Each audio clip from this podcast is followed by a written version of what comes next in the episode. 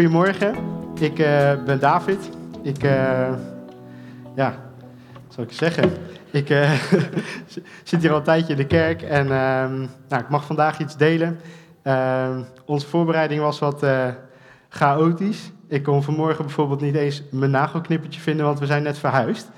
Toch gelukt, hè? Shanna wist waar die lag, maar even een voorbeeldje van hoe mijn voorbereiding verliep. Um, het is uh, zo namelijk dat wij net verhuisd zijn naar Nijmegen.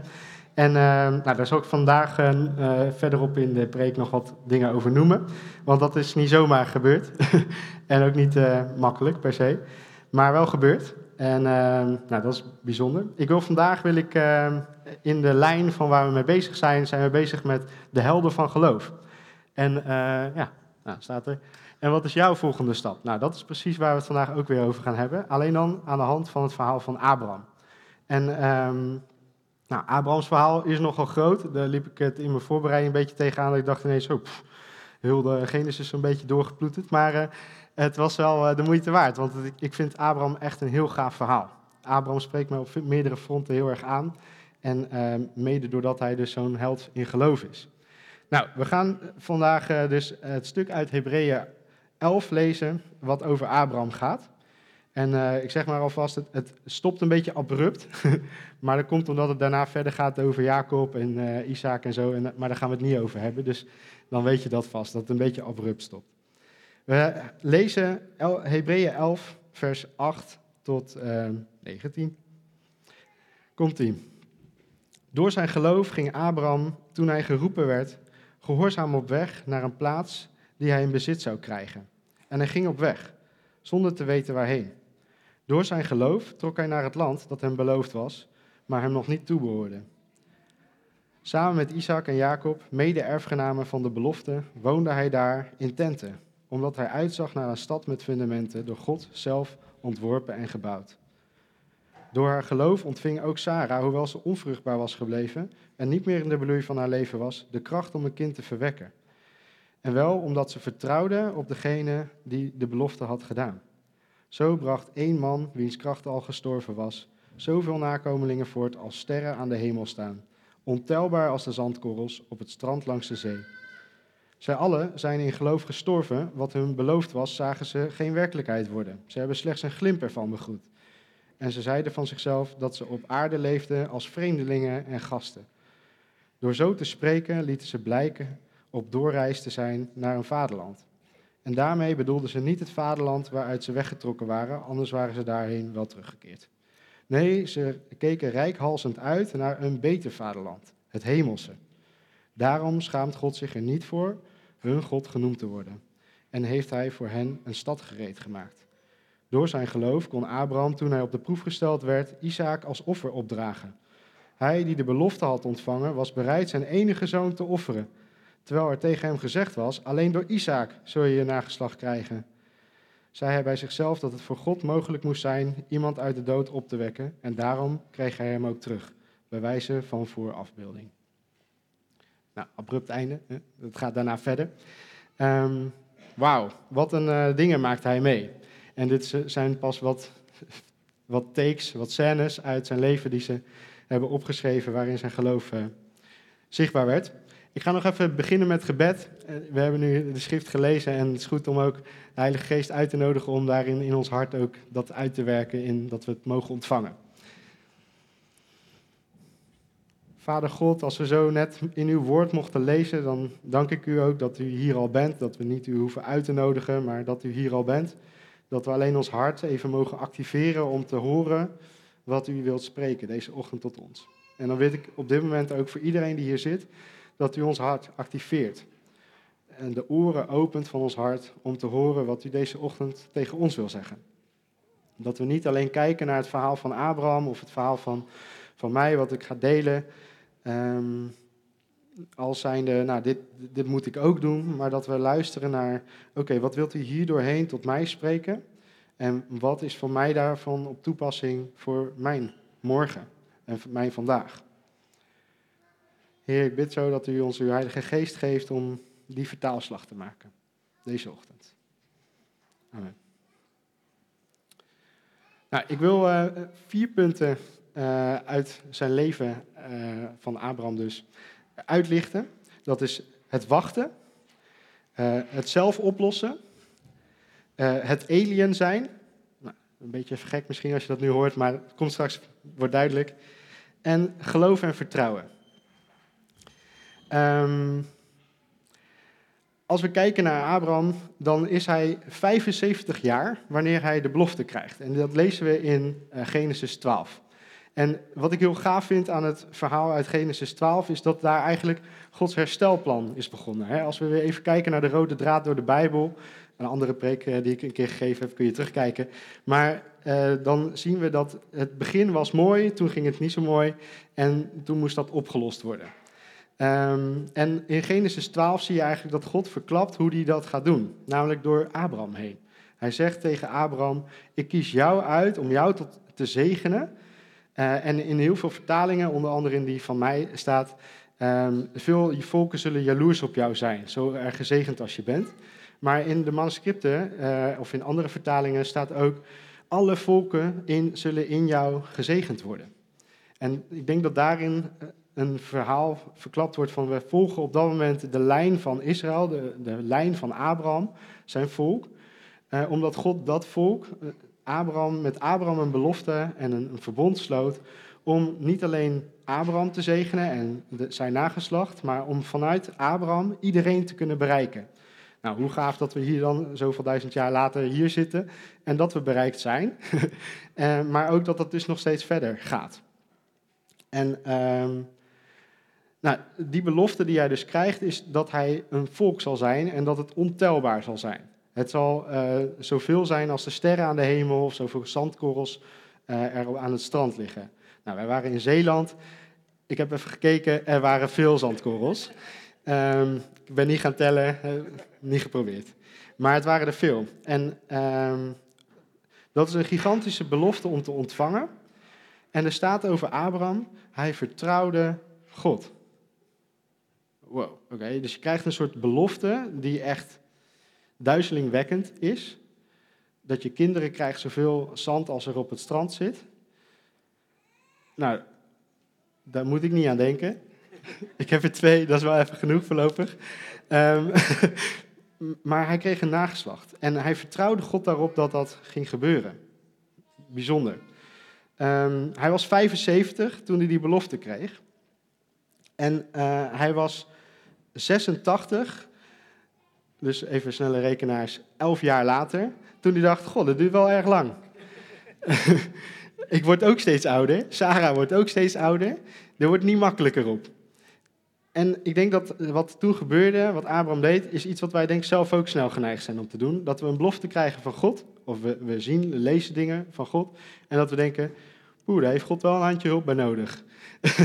en dat we dan zelf iets gaan bedenken, waardoor God zijn belofte uit gaat komen. En zij deden dat ook. En uh, het was uh, Sarah die uiteindelijk in Genesis 16 bedacht: joh, ik heb ook nog een slavin. Daar kun je ook wel kinderen mee krijgen. Uh, dan misschien op die manier dat God dat dan zo bedoeld heeft. En Abraham dacht: nou, dat, dat is wel een, een goede oplossing. Ehm, laten we het proberen. En nou, hij was 86 toen hij Ismaël kreeg van Hagar, dus de slavin van Sarah, zijn vrouw. En Um, toen had hij dus al elf jaar gewacht na de belofte. Nou, dat is echt lang. um, toen vervolgens, um, toen werd dat heel moeilijk. Dat werd een ingewikkeld verhaal. Het is vaak zo, als wij zelf oplossingen proberen te bedenken om Gods belofte uit te laten komen, loopt niet zo heel schoon af. Uh, meestal hadden we dan nog wat langer moeten wachten. Uh, nou, dat was in zijn geval ook zo. Uh, het duurde uiteindelijk nog 13 jaar.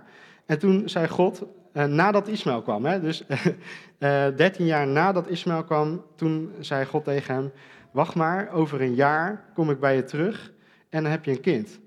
En toen zei Abraham: Ja, maar wacht even. Ik heb nu in totaal al 24 jaar gewacht. Hoe weet ik nou zeker dat over een jaar dan ik ineens een kind ga hebben? Mijn vrouw is al lang voorbij de leeftijd om überhaupt nog kinderen te baren. Ik ben zelf ook al uh, op aanzienlijke leeftijd. 99 jaar was hij toen. Um, ja, hoe, hoe kan ik erop vertrouwen? En toen sloot God met hem een verbond. En nou, dus te veel om over uit te wijden, maar verbonden zijn super interessant. Ehm, en met name dit verbond omdat God als enige het verbond sloot. God ging door de, het ritueel heen. Ik zal niet te veel uitweiden in verband met de kinderen in de zaal, maar uh, God sloot het verbond als enige. Normaal gesproken zijn er twee partijen die een verbond sluiten, maar God zei: Ik neem alle last van zowel het vervullen als het dragen ervan, neem ik op me. Nou, mooi voorafspiegeling van wat hij met Jezus, denk ik, doet. Um, en het duurde dus nog een jaar. Hij was 100 toen hij Isaac kreeg. Dus hij heeft in totaal 25 jaar moeten wachten. Vanaf het moment dat hij zo'n duizelingwekkende belofte kreeg. En dat hij uiteindelijk zijn kind kreeg waarvan hij zijn nageslacht zou gaan krijgen wat God zou zegenen. En met Isaac gaat uiteindelijk het verhaal verder. En met Ismaël wordt gelukkig ook goed voor gezorgd door God. Ehm, maar hij is niet de uitgekozen. Het was niet Gods bedoeling dat Ismaël zou komen. En um, zo is denk ik ook met onze ideeën. Als wij soms ideeën hebben en het, we proberen iets, betekent niet dat het allemaal slecht afloopt daarmee, maar betekent niet dat dat Gods plan was van de oorsprong. En uh, dat het niet helemaal ideaal loopt. Want er zijn nogal wat strubbelingen tussen Ismaël en uh, Sarah. En ook Hagar en Sarah. Dus het is niet, niet de bedoeling. Het is niet hoe het bedoeld was. Nou, ik noemde het al, zelf oplossen is, is de tweede punt wat ik wilde aanhaken. Dus één, wachten. 25 jaar is een gigantische periode. Zelf oplossen, dat is nogal gebruikelijk voor ons. We hebben het gevoel van als het wat langer duurt of als het wat ingewikkelder wordt, dan gaan we het zelf oplossen. En ik denk ook dat dat dus iets goeds is. Eh, in heel veel gevallen. We mogen heel vaak zelf een oplossing bedenken. Vragen eh, die ik afgelopen tijd ook heb gehad, daar eh, kom ik straks wat meer op terug, maar is van ja, maar mag je dan niet zelf een, een oplossing bedenken voor het probleem waar je nu in zit? En dan denk ik, ja, op zich mag dat wel. En ik mag best zelf creatief zijn. God heeft mij ook het vermogen gegeven om te creëren. Ik ben in zijn, gelijk, in zijn gelijkenis gecreëerd om te kunnen creëren. En daarom kunnen wij ook oplossingen bedenken voor problemen. Maar wat we denk ik vaak doen, is dat we vergeten in dat creatieproces om af te stemmen met God. En af te stemmen, is dit in lijn met wat u bedoeld heeft? Is dit in lijn met wat u wil? En um, het is superbelangrijk dat als we problemen uh, zitten, of uh, in je werk of in je privésituatie, als je denkt van joh, er is een probleem, die moet opgelost worden, dat we naast dat de alle oplossingen die we kunnen bedenken, dat we ook afstemmen, Heer, welke oplossing heeft u voor ogen? Is dit hetgene wat u voor ogen hebt? Dus afstemmen. Nou, uh, het derde punt is dus het alien zijn, het vreemdeling zijn. En ik vind het heel mooi verwoord in Hebreeën 11 dat um, eh, dat zij zich gedroegen als vreemdelingen, of dat ze zich ervoeren als vreemdelingen onderweg naar een vaderland. En niet het vaderland waar ze vandaan kwamen, maar een hemels vaderland. En hetgene wat ik daarover wil benoemen is, eh, eh ik heb een eh, pleegbroertje, wat ondertussen geen pleegbroertje meer is, maar een broertje. Um, maar toen hij dus uh, nog pleegbroertje was, had hij een paspoort. En um, hij had een vreemdelingenpaspoort. Um, want hij was geboren in Nederland, en, maar zijn moeder was Somalisch, dus het was een beetje ingewikkeld. Um, en daarom heeft hij dus een vreemdelingenpaspoort, een groen paspoort gekregen. Nou, wij hebben allemaal een paars paspoort, een beetje bordeauxrood. Um, en daar staat in, wij zijn Nederlands, Nederlandse. maar bij hem stond er in alien. En dat was een soort, nou, nog meer afstand voor hem. Hij voelde zich nog meer vervreemd. Niet alleen vreemdeling, zeg maar. Hij was niet alleen vreemd in een land wat niet zijn land was. Maar hij was ook nog eens alien, buitenaards. Bijna. en um, ik denk uh, dat het iets. Dat het, voor hem was het heel ingewikkeld, maar ik denk dat het voor ons ook iets is waar wij een voorbeeld aan mogen nemen aan Abraham. Is dat we, we mogen aliens zijn. En dan bedoel ik niet vreemdelingen, want vreemdelingen voelt nog te vertrouwd. We zijn best vreemd in, in een land van uh, mensen die allemaal veilige keuzes maken en kiezen voor de goede route. Maar we mogen best wel buitenaard zijn. We mogen het op een hemelse manier doen. We zijn namelijk hemelbewoners. We leven alleen nu hier op aarde, tijdelijk. Eh, maar voor de time being mogen we ons dus ook wel gewoon gedragen naar ons geboorterecht. En dat is hemels. En dat betekent dat je je anders gedraagt. En dat we dus niet, eh, net als het lelijke eendje dat geboren werd in een gansennest, zich gaat gedragen als een gans, maar dat je je gaat gedragen als een eend, zoals jij gemaakt bent. Nou, jij bent niet gemaakt als een eend, maar gedraag je dus als een kind van God, als een koningskind. En daar horen andere principes bij.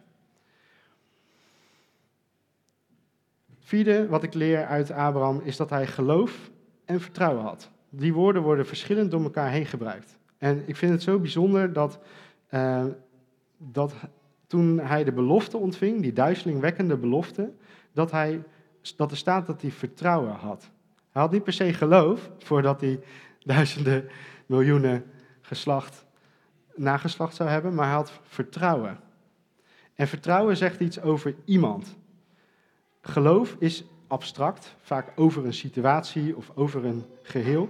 Maar vertrouwen zegt altijd iets over een persoon. Iemand vertrouw je.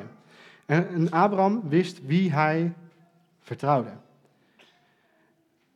En in dit proces, ik ga straks iets delen over ons verhaal en over de stappen zetten in vertrouwen en in geloof.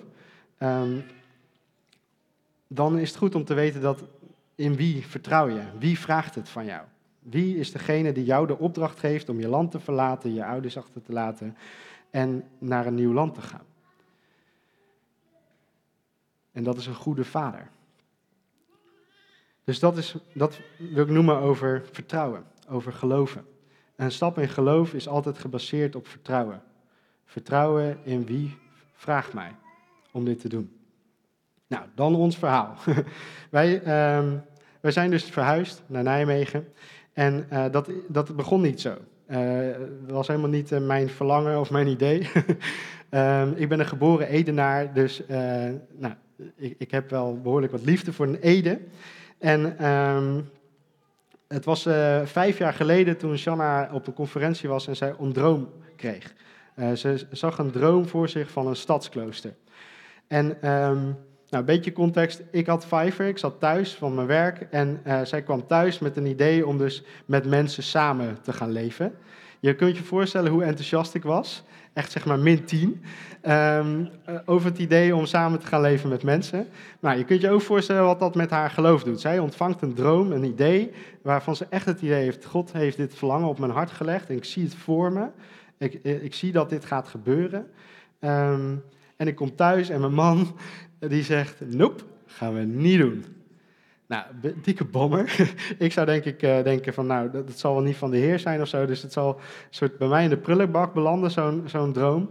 Uh, maar zij heeft altijd gezegd, soort in open handen gedragen, uh, die droom. En heeft altijd tegen God gezegd, Heer, als u me een pand geeft en zorgt dat David aan boord is, dan gaan we het doen. En, en vijf jaar lang, eh, of nou, het heeft in totaal vier jaar lang geduurd voordat ik enigszins bijtrok en dacht: oké, nou, als dit echt van God is, dan, nou, dan ben ik ook oké. uh, het duurde nog een jaar voordat ik enthousiast was. Um, maar het heeft vier jaar lang geduurd dat zij dit echt droeg. Op handen, op open handen ingebed. Heer, dit ligt nog steeds in mijn hart.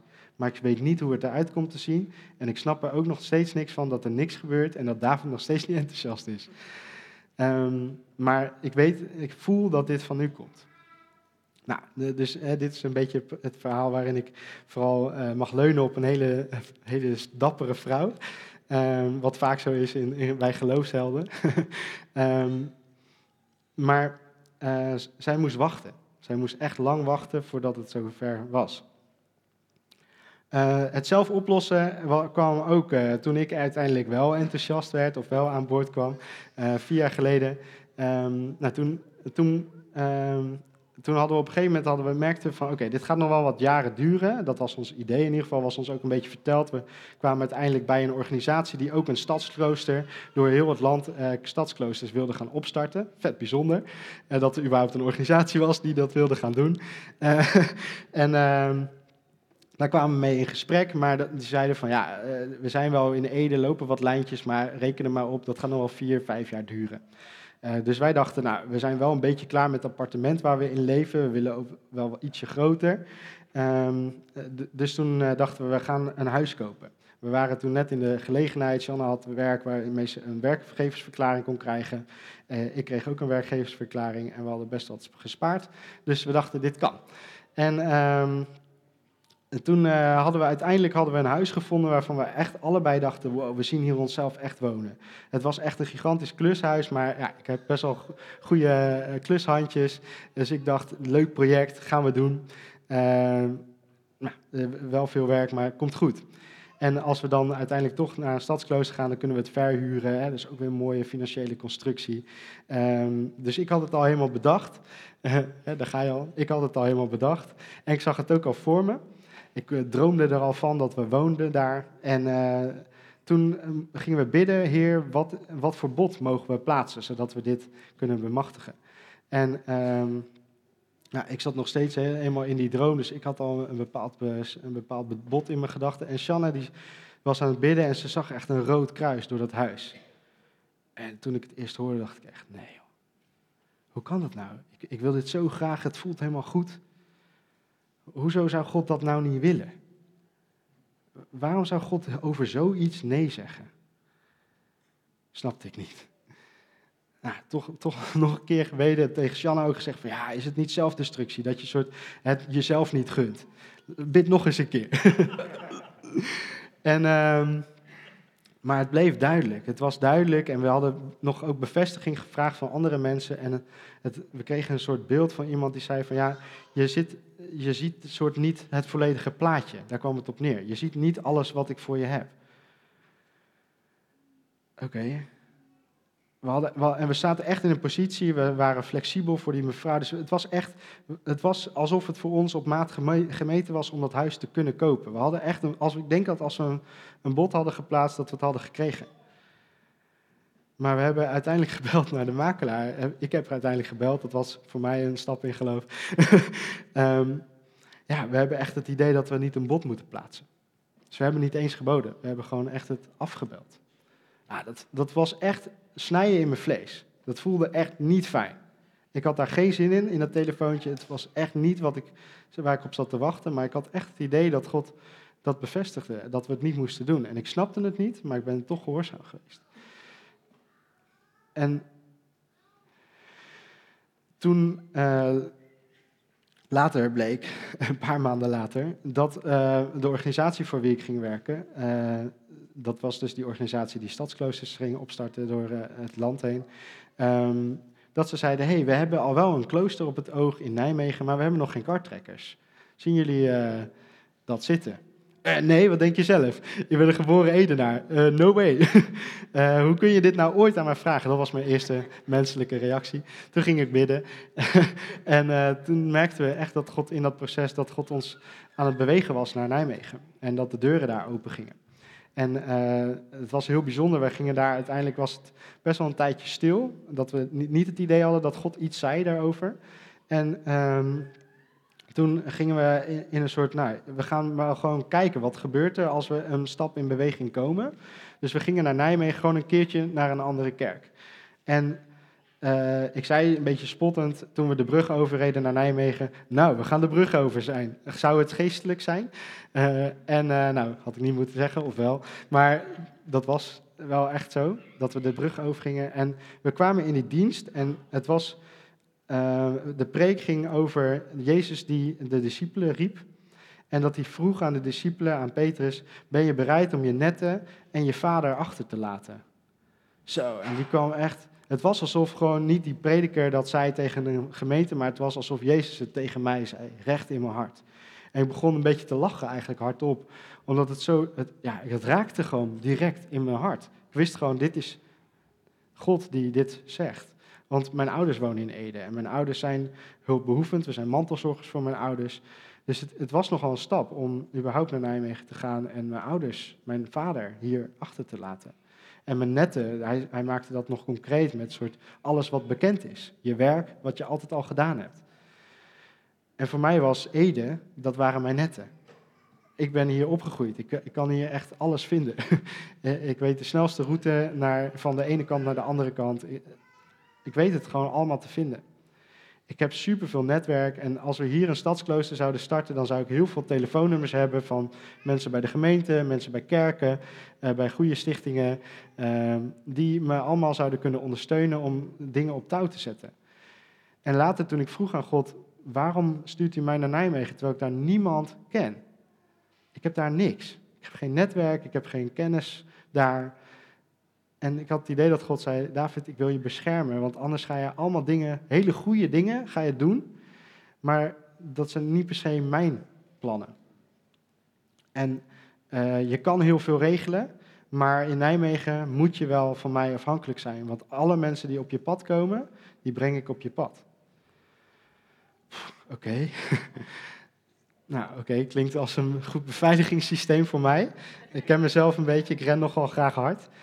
Um, maar dan nog steeds, poeh, oké. Uh, ingewikkeld. Uh, dus ook toen we, naarmate we steeds meer duidelijk werd, gingen we, moesten we verhuizen. Uh, we gingen onze kinderen inschrijven in Nijmegen voor school, oppassen, dat soort dingen. Maar we hadden nog steeds geen huis. En um, gaandeweg kwamen er andere huurhuizen via Funda online, waarvan we dachten, oh, dat is wel mooi, dat is goed betaalbaar. Maar dat we elke keer weer dachten, nee, dit is niet Gods weg. Dit is niet de manier, dit, zou zelf opgeloste manier zijn van ons probleem van huisvesting in Nijmegen. En uiteindelijk, we kwamen dus in gesprek met dat klooster, maar het was nogal ingewikkeld of we in dat klooster zouden kunnen gaan wonen. En um, uh, elke keer werd gezegd het kan en toen kon het toch weer niet. Dus we werden de hele tijd van hoop naar wanhoop geheen en weer geslingerd. En um, op het laatst, uh, zeg maar ongeveer een maand voordat wij zeiden van hey, uh, dit is het punt dat we eigenlijk wel echt naar Nijmegen moeten gaan verhuizen, want onze oppas in Ede is weg en we moeten echt in Nijmegen zijn daarvoor. Heen en weer rijden is niet ideaal. Um, toen, toen hadden we het idee dat God zei, uh, zet, je huurstop. Uh, weet u de huizenmarkt op dit moment of niet? Uh, ja, oh ja, ja oké. Dat weet u.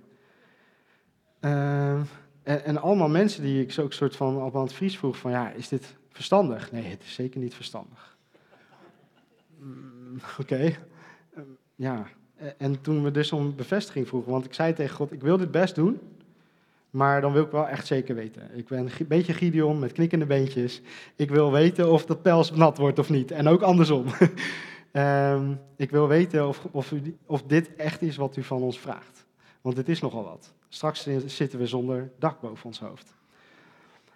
En dit was voor mij echt een leerproces van Gods koninkrijksprincipes werken zo anders.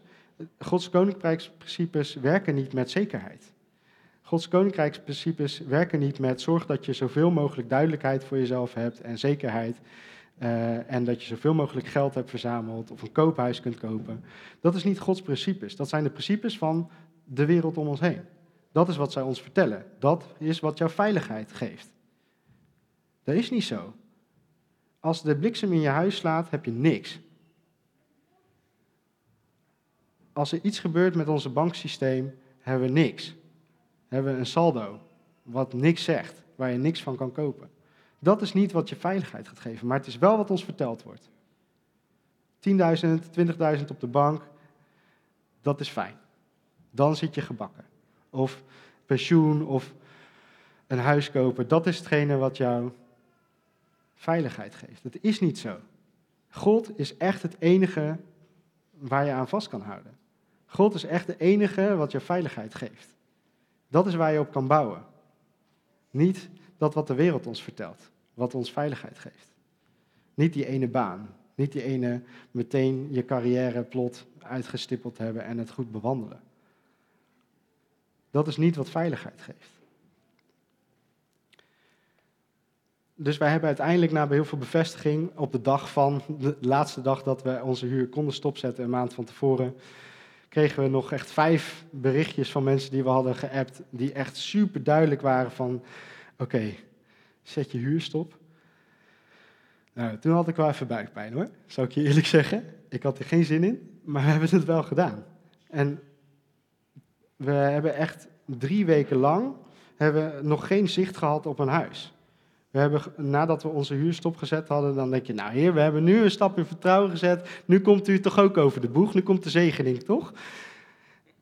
En op het punt kwamen we op een gegeven moment dat ik Oscar vroeg van, uh, of dat we het over hadden, Oscar en ik, en dat hij zei, ja, we hebben wel, eventueel zijn we op vakantie, je mag wel in ons huis, uh, vanaf het moment dat, dat, je, dat je eruit moet. En dat we oprecht dachten, oké, nou, we hebben opgezocht wat kost het om, om een, een, loods te huren of om een opslagplek te regelen voor je spullen. Uh, want vier dagen voordat we moesten verhuizen, wisten we nog steeds niks. Ja, ik heb echt regelmatig met buikpijn op de bank gezeten. En ook in die periode kwamen er dingen op funda. En kwamen er dingen voorbij die nou, minder ideale oplossingen, minder in de buurt van de plek waar we onze, onze bediening straks willen starten in dat klooster. Maar het waren wel opties. En ze waren heel verleidelijk. Het waren hagars voor ons. Het waren echt logische keuzes. Als we logisch zouden kiezen, zouden we gekozen hebben voor een huurhuis ergens in Nijmegen. Maar elke keer hadden we het idee dat God zei: Wees stil, wacht en weet dat ik Heer ben. Oké, we wachten. En vier dagen voordat we moesten verhuizen, kregen we de sleutel van ons nieuwe appartement. En moest ik als een gek. En uh, hebben echt een heel aantal mensen hebben me super hard geholpen om in dat huis uh, te klussen. En op de laatste avond voordat we moesten verhuizen, heb ik de laatste uh, vloerpanelen of laatste laminaatdingetjes erin getikt. En was het klaar om te verhuizen. Klaar genoeg in ieder geval. En we kregen echt superveel hulp uiteindelijk met verhuizen. En uh, toen zijn we verhuisd. En uh, dan denk je, nou, dan zit je er. We zitten in het klooster. We, we komen vanmorgen uit Nijmegen, vanuit het klooster, waar we onze bediening willen starten. En dan denk je, ja, dit is, dit is uh, gaaf, dit kun je nu getuigen. Maar het is nog steeds spannend, want we hebben wel de sleutels, maar we hebben geen contract. Dus eigenlijk technisch gezien kunnen nog steeds elk moment op straat gezet worden. En dit is een beetje ons verhaal. Het is super spannend. Eh, eh, ik doe het helemaal niet goed, net als Abraham niet. Uh, ik ben elke keer geneigd om te kiezen voor mijn eigen oplossingen. En te denken, we, we, regelen een quick fix. um, maar elke keer met het afstemmen met God merken we, oké, we wachten, we vertrouwen, we geloven. En ja, het is echt niet leuk. Het, is niet, niet, het ziet er niet zo glorieus uit als je er vanaf een afstandje naar kijkt. Het, ik, baal er soms van dat ik niet gewoon in een rijtjeshuis woon met een tuin. Uh, en dat het niet zo spannend is. Of dat het minder spannend zou zijn. En tegelijkertijd, de andere weerzijde, is het echt bizar. We wonen gewoon in een klooster. Met een, met een gigantische kloostertuin daarachter. Waar we mensen mogen ontmoeten. Waar ik nu al regelmatig met de, met de bouwers eh, die daar nog zitten en, en de nieuwe bewoners nu al mag praten over wie Jezus is. En we zijn echt nog niet waar we willen zijn. We moeten nog steeds vergunningen krijgen voor het project dat we op willen zetten. We, we moeten nog een contract krijgen voor het huis waar we nu twee jaar gaan wonen. Um, dus het is spannend. En nu denk je misschien, oké, dit, is, uh, dit is Davids verhaal. Wat gaaf dat David dit meemaakt. En wat gaaf dat Abraham dit meemaakt. Maar ja, dat vraagt God niet van mij. God vraagt mij niet om naar Nijmegen te gaan. Nee, dat is maar goed ook. Maar God vraagt wel aan jou om beloofd land in te nemen. Het ziet er misschien niet uit zoals ik dat doe, naar Nijmegen te gaan met mijn gezin en de spanningen aan te gaan die wij eh, op ons pad kregen. Maar God vraagt wel van jou om beloofd land in te nemen. En dat, hoe dat er voor jou uitziet, kan ik niet voor je invullen. Maar ik moest eraan denken, misschien is het die ene cursus op je werk te gaan volgen. Of misschien is het uh, een stap te zetten in financiën die je spannend vindt. Misschien betekent het voor jezelf beginnen, terwijl je best wel gebakken zit in het bedrijf waar je zit omdat God van jou een verlangen heeft om zelf iets op te bouwen. En daarmee ook weer koninkrijksprincipes te kunnen uitleven in de keuzes die je daarin maakt. Misschien heb je wel een droom gekregen ooit, maar ligt er toch al wel een laagje stof op de plank. bovenop je droom. Ik wil je vragen of je opnieuw de stof eraf wil wapperen, het weer eens open wil slaan, je droom. En dat je gaat vragen aan God, welke stap is mijn volgende stap? Misschien betekent het wel dat je je collega uitnodigt om een keer bij jullie een hapje te komen eten, terwijl dat helemaal niet de cultuur is op je werk.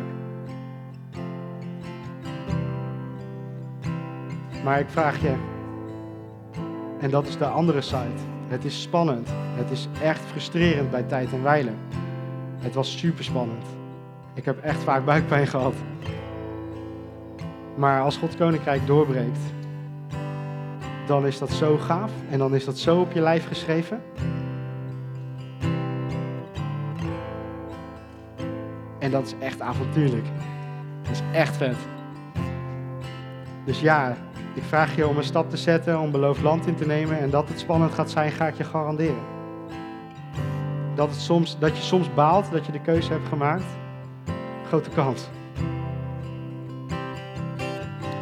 Maar de stappen die je kunt gaan bereiken, de dingen die God kan gaan bereiken doordat jij die stap hebt gezet, die zijn zoveel groter en die zijn het zo erg waard dat ik je echt wil uitnodigen. Durf je het aan? En vertrouw je degene die je roept? Weet je wie jou roept? Want hij is echt goed. En hij komt echt over de boeg. Misschien pas vier dagen voordat je de sleutel krijgt.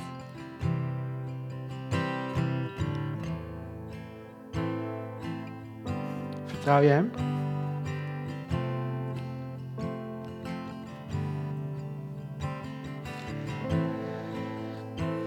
Ik zal afsluiten met uh, gebed.